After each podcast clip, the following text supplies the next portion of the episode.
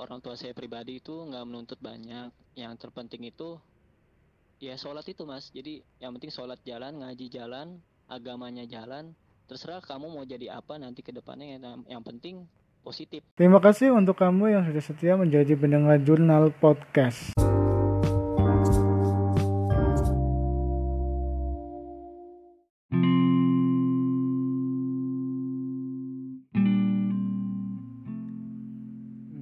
Lanjut tadi soal seni teater.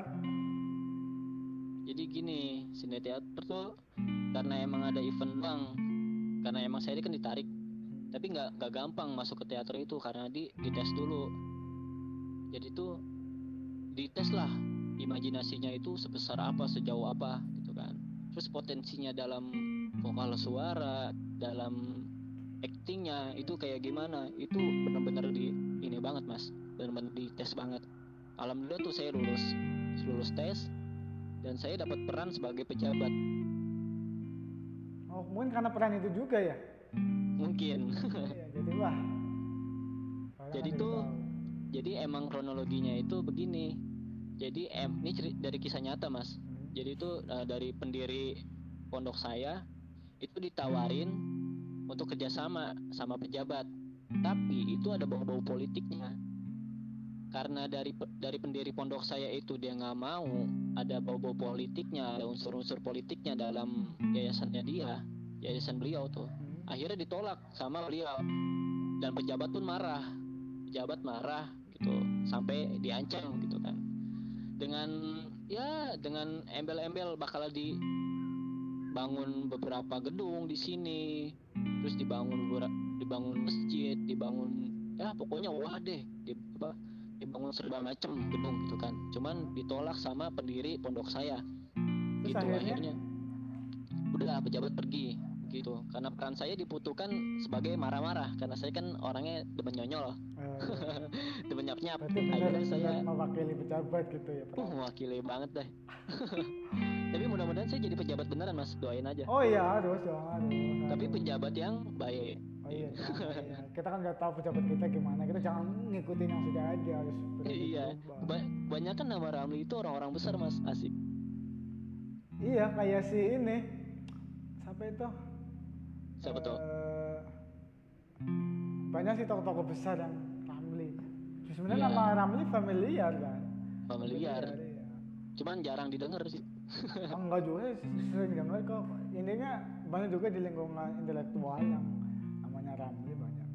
iya mudah-mudahan aja doain aja mas asik Amin lah semoga jadi DPR RI. amin aduh jangan deh males Nggak apa-apa kan nyobain. godaannya Ya kalau jadi pejabat pasti. saya nggak mau Namanya- Ji. saya nggak namanya mau tahta ini. ya. Itu udah pasti Iya, benar. susah. Kita mungkin sekarang bisa ngomong gini nggak tahu kalau kita dikasih jabatan gitu mampu apa enggak. iya sih bener-bener ngeri sih. Kalau udah Iya, bicara benar. tahta, wanita, harta, aduh itu udah benar diuji banget di situ. apalagi wanita ya Aduh, nggak jelas. Belangnya kita udah ketahuan semua. buset Terus akhirnya lulus, berarti selesai di pondok tiga tahun sama pendidikan, langsung pulang ke rumah lagi atau pulang ke rumah pulang ke rumah Lulus tahun 2000, tahun kemarin oh 2019 2019. Iya. Langsung pulang ke rumah. langsung pulang Terus kenapa dulu ngambil di Unusia untuk kuliahnya? Kan banyak kampus-kampus yang besar. jadi ceritanya gini mas lumayan panjang juga sih ya, ya singkat-singkat aja. ya jadi sebelum awal mulanya ya pokoknya sebelum saya masuk Unisia itu saya pernah part time di cafe Hmm, oh di coffee shop di, di daerah mana tuh? di juga? di da- daerah Tangerang juga nah nggak lama akhirnya karena saya mau ini mau kuliah akhirnya saya resign tuh dari part time saya nah saya tes di negeri itu di negeri Jakarta Oh UIN di lah. oh di Uin Sarif. ya Win Syarif Hidayatullah saya di situ sama teman-teman saya awalnya itu tes eh, LM L- apa tuh? PTKIN ya PTKIN di SNPTN dari pondok saya tuh angus. Semuanya angus. Itu sayang banget. Akhirnya saya ikut eh, PTKIN eh alhamdulillah tuh gak keterima. Nggak keterima saya belum keterima. Kalau teman-teman yang lain? ada yang keterima ada yang enggak gitu kan. Akhirnya saya mikir lagi. Emang dari SMA saya kan mikirnya mau kerja sekalian kuliah. Nah akhirnya ya udah tuh saya diajak tuh sama om saya buat kuliah di Unusia. Nah om saya juga di Unusia tuh kuliahnya. Jadi diajak karena di sana murah terus Bisa kerja. ya bisa kerja. Dan saya emang mikirnya kan mau sambil kerja terus bisa sekalian nemenin nenek juga di Jakarta. Terus nggak jauh-jauh banget lah gitu kan akhirnya ya udah deh dapet di Unusia alhamdulillah tuh masuk dapet tapi saya masih nganggur gitu posisinya. posisi masih Enggak kan nganggur kenapa dulu sempat resign? karena kan mau kuliah karena di kafe itu kan Kan dia setiap hari mas kerjanya. tapi setiap hari mas Kok bisa? ya karena begitu dari sananya Oh, biasanya Jadi- kalau ada kita kuliah outpad biasanya ada keringanan sih. Aduh, gaji aja kecil mas, apalagi sambil ini Ya izin juga begitu. namanya juga baru kerja kan semua. Iya sih, Saya benar. juga dulu baru kerja, ya aduh sebulan aja masih kurang untuk makan nggak bisa ngirim. Iya, jadi eh, yaudah tuh saya kuliah karena di kerjaan itu kan berangkat itu mulai kerja itu jam 9 pulang jam 11 malam. Lama banget jalan. Nah makanya luar biasa. saya keluar buat kuliah, putusin kuliah. Akhirnya jelang setahun lah, setahun kuliah. Jadi itu saya ngelamar di sebuah sekolah lah, ya kan di MTS di daerah Tebet sana. Alhamdulillah keterima jadi guru piket walaupun jadi guru piket ya setidaknya alhamdulillah deh dapat. Bertahap. Nah, Oh, ini iya. semua bertahap sih. Nikmati Dan aja ke sini prosesnya. ya benar. Dan ke sini sininya diangkat juga jadi guru ngajar juga, guru Ya. praktek ibadah lah gitu kan. Padahal mas saya nggak taat-taat banget sama ibadah, asik. Ya bertahap kan kita nggak tahu yang namanya wasilah kan bisa jadi karena kita jadi guru kita jadi emang nggak mau kita jadi panutan di lingkungan sekolah kita nggak tahu juga Iya bisa benar-benar. karena faktor itu berarti dulu di Unusia karena om itu ya yang Iya karena om diajak. hampir 100% lah diajak gitu karena om Hmm, juga betul. kuliah di Unusia Iya di sana juga. biar ngumpul gitu karena juga udah saling tahu kondisinya murah ininya ya udah masuk aja gitu Favorit banget di dompet. Nah, untuk kesan pertama kuliah, tapi sebelum ke itu, saya pengen tanya, eh, ada nggak sih, nah apa namanya, ajaran atau pesan orang tua yang benar-benar background itu mendalam banget sampai hari ini inget banget dan selalu diamalkan. Ada nggak? Sebenarnya sih satu, Apa itu? Jangan lupa sholat. Udah itu aja. Yang lain mungkin, misalnya kamu nanti bisa jadi orang yang ini ini aja, nggak usah berlebih atau apa. Kalau orang tua saya pribadi itu nggak menuntut banyak. Yang terpenting itu ya sholat itu mas. Jadi yang penting sholat jalan, ngaji jalan, agamanya jalan. Terserah kamu mau jadi apa nanti ke depannya. Yang, yang penting positif begitu. Itu intinya positif ya. Ya nggak menuntut banyak lah orang dari orang tua itu.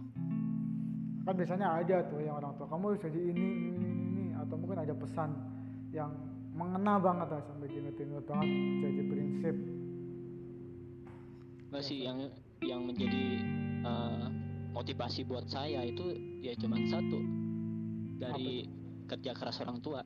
Hmm. Karena saya mikir kalau misalnya orang tua itu kerja kerasnya itu udah maksimal banget, tapi kalau misalnya dari sayanya ya cuman leha-leha doang, kerjaan saya rebahan doang, ya buat apa gitu kan? Iya.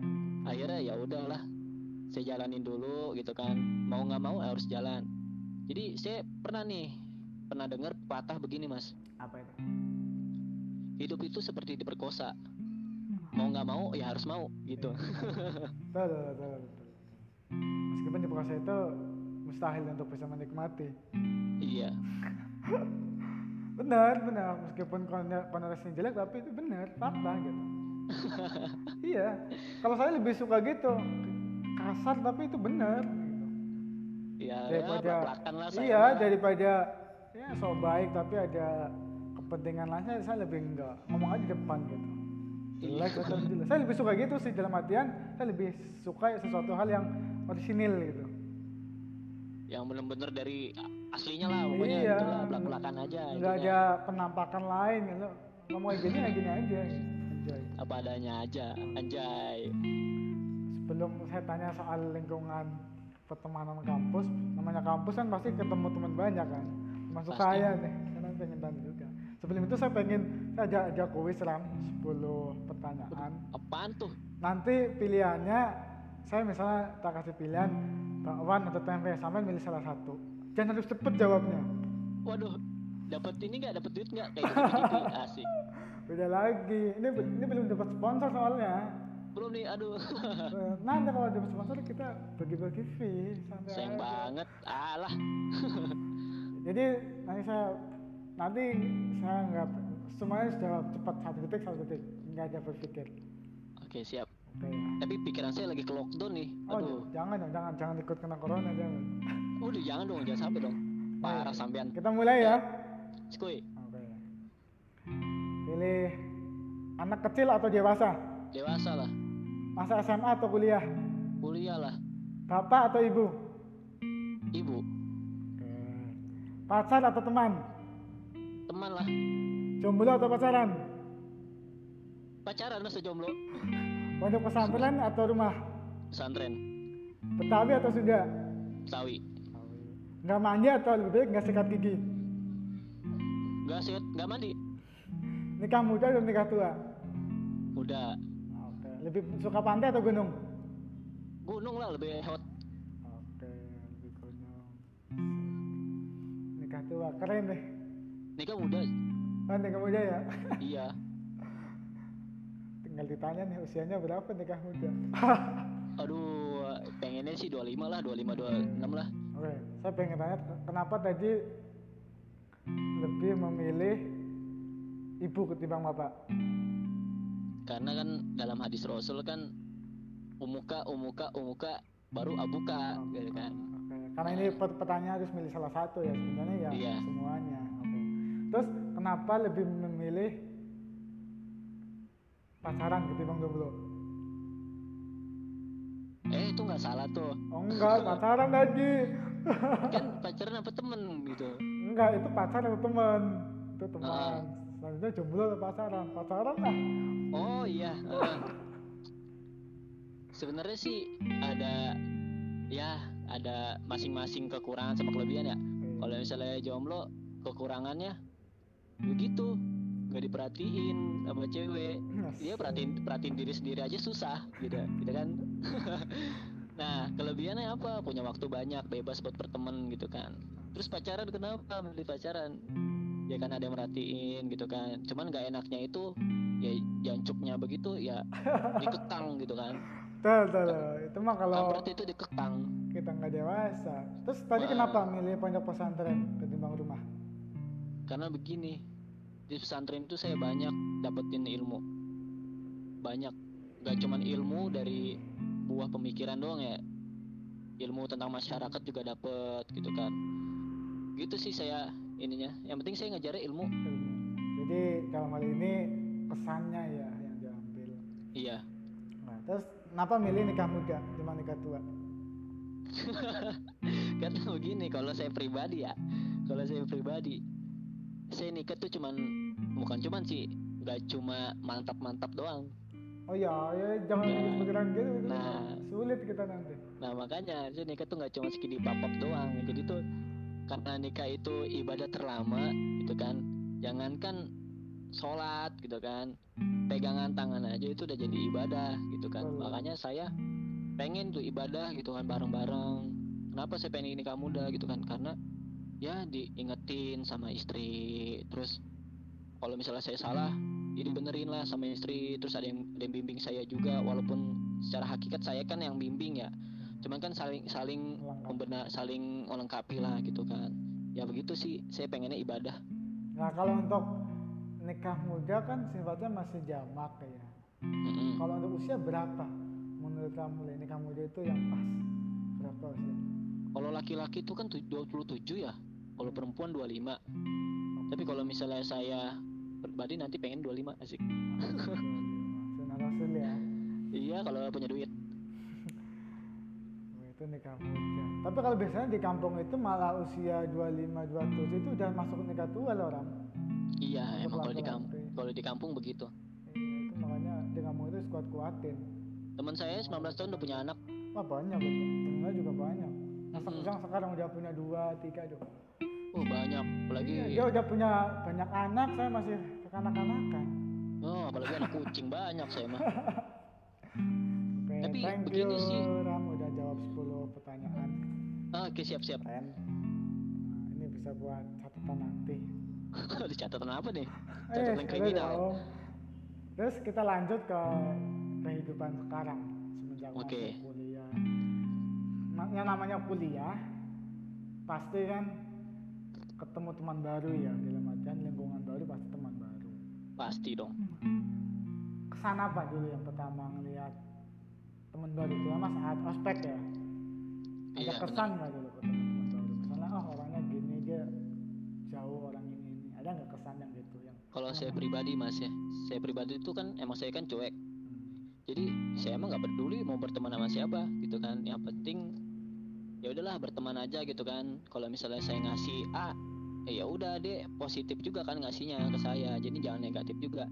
Kalau saya sih gitu aja kalau berteman. Dan kesan saya sih pertamanya sih ya asik juga.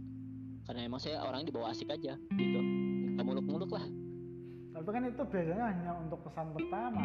Berikutnya pasti kita apa ya ng- ngerasa enggak sih secara nggak langsung kita itu kayak berteman itu kayak ada yang menyeleksi gitu setelahnya gitu setelah kita kenal semua akrab kan biasanya Hmm. nanti kelanjutannya kita ada beberapa yang terseleksi gitu seleksi alam lah bahasanya Iya, kalau saya pribadi kan emang dari awal juga kan orangnya emang udah langsung nyeleksi gitu. Jadi saya tahu aja gitu loh, oh ini orangnya begini, dia begini. Makanya orang tuh pada ngira tuh saya tuh judes gitu kan karena tatapan saya sinis. Sebenarnya saya enggak, saya ngeliatin doang, ngeliatin sambil nyari tahu lah, oh dia orangnya begini, orangnya begini. ya Nah begitu, kalau saya emang begitu orangnya. Jadi emang disangka judes mulu, padahal kagak. Nyolot emang orangnya. Iya, kalau saya juga lebih suka gitu, diem dulu gitu, ngeliatin ya adaptasi sama lingkungan gitu. Takutnya kita sesuai karakter kita nanti malah teman-teman jadi nggak respect kan gitu ya. Hmm, benar, benar. Kalau dulu kenal saya waktu kapan Ram? Kenal sampean waktu profesa. Kenapa bahasa? Karena sampean aktif terus. Ya kan nggak banyak sebenarnya. Enggak, yang saya lihat sampean doang, yang saya denger. terus saya pernah ngomong jujur ya, saya pernah ngomong, ini orang apaan sih? Aktif banget gitu kan. Sampai maju terus kok dia lagi dia lagi sih. Bosen gua dengernya gitu. Kalau saya pribadi gitu. Ya, saya nggak denger tadi dulu sih. Kalau saya pribadi gitu. Nggak, kalau dulu ospeknya eh, gelombang pertama ya? gelombang ketiga saya. Oh yang berarti yang susulan, berarti nggak, berarti cuma tiga hari kan? Oh, tiga. Kalau saya kan empat hari itu, yang berangkat Mm-mm. awal itu sengsara banget ya. Waduh, sengsara banget, Iya. sumpah. Itu waktu ospek kenal pertama saya di hari pertama atau di hari akhir aja? Kalau kenal sama sampean itu masuk kelas, cuman tahu doang, tahu doang itu profesa. Oh ini ulul namanya gitu kan. Saya cuman tahu doang, oh udah gitu doang. Setelah itu masuk di kampus, eh satu kelas. Nah, saya kaget. Ini perasaan orang yang kemarin saya kan. Ini perasaan orang yang kemarin. Lah aku kok ketemu sama dia. saya eh pokoknya uh, nggak nyangka banget gua. Begitu gitulah pokoknya. Ah nggak nyangka gimana? Kayaknya Iya, ada maksud nyangka. jelek. Ya nggak nyangka ketemu sama orang bawel kayak sampean gitu. Itu kesan-kesan pertama ya. Kalau saya kalau saya dulu sih eh apa ya? Kalau yang secara kesan berlebih enggak sih, semuanya sama. Apalagi kan saya posisinya kan lebih senior ya dalam artian ya bisa dibilang kuliahnya lebih telat lah. Jadi ya Hmm, saya mau coba ngikutin anak-anak yang lebih muda. Oke lah waktu profesa saya aktif ini mungkin karena faktor pengalaman jadi lebih pede aja gitu, udah sering. Tapi kalau udah di lingkungan kelas waktu awal pertama kita masuk ya, nah saya ngikutin dulu sih. Oh gini nih, ngikutin anak muda gitu. Termasuk kesampaian. Anak tua yang kemudaan ya. Iya setelah itu ya yang ngalir aja sampai sekarang. iya sama aja. Tapi ada nggak yang di waktu kenal sama orang itu waktu pertama di Indonesia yang benar ada kesan lebih gitu? Kesan lebih sih nggak ada mas. Oh semua-semuanya sama ya maksudnya ya oke lah enjoy aja gitu. Iya enjoy aja kalau saya biasanya kan ada yang pertama langsung akrab sampai sekarang gitu enggak enggak ada? Kalau dari pertama langsung akrab itu nggak sih semuanya sama. Cuman kan lebihnya ke kayak Dapa Arul gitu kan yang di belah kanan lah. Karena sekarang juga sering bareng kan? Sering bareng. Makan bareng ya kan? Terus sholat bareng berak bareng eh enggak. Berarti dalam artian yang ngalir aja gitu. Iya bener ngalir. Unik juga. Singkat Ya, lumayan. tapi sempat nyangka nggak ram Indonesia ketemu. Saya aja dulu ya saya dulu kuliah di Indonesia itu juga ya saya juga ya udah ngalir aja lah. Saya paling mungkin yang paling tua ya ngikutin anak muda aja gitu. Terus kedua saya punya feeling gini karena kita kuliahnya kan ambil non reguler ya karyawan Sabtu Minggu. Saya punya keyakinan pasti kemungkinan orang ambil yang Sabtu Minggu pasti karena ada dia kerja sambil kerja namanya kerja kan pasti punya tanggung jawab. Iya benar. Pasti sikap karakter kita beda. Sama dan sama orang yang nggak kerja. Kalau kerja kan pasti diatur. Kita jadi bawahan. Jadi apa? Jadi terbiasa berkelutan namanya tanggung jawab. Biasanya itu teraplikasikan di kelas. Ternyata itu beneran jadi pertama eh, di hari pertama kuliah kedua berikutnya pekan berikutnya itu beneran. Saya ngamatin bener-bener saya dulu mi- minta waktu kuliah saya pengennya gitu. Kalau kalau saya kuliah di Indonesia karena di non reguler saya pengennya yang kemungkinan satu visi lah sama kerja latar belakang mungkin beda sedikit kan tapi intinya kita sama punya tanggung jawab lain ternyata itu bener dan karakter itu muncul lam ya termasuk sampai itu sekarang udah kerja pasti karakternya beda ketimbang eh, yang di non reguler ya.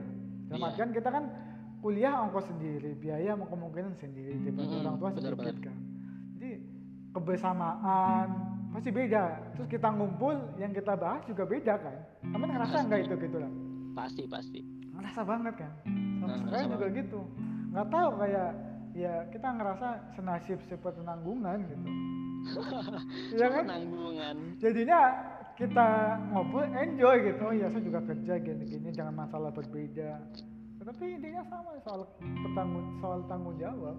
Dan itu benar saya ngerasa banget dan itu juga mempengaruhi karakter saya juga. Karena apa? Sama pasti ngerasa lah. Kita kan Iya. latar belakangnya beda-beda. Benar-benar. Di kota di kampung merantau yang netep dan itu kita bisa belajar dari hal itu.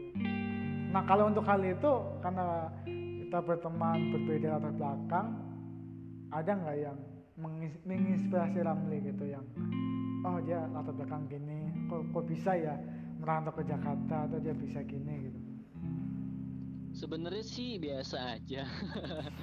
Wah ini nggak ya? ya? berkesan. Kok begitu banget ya? Begitu.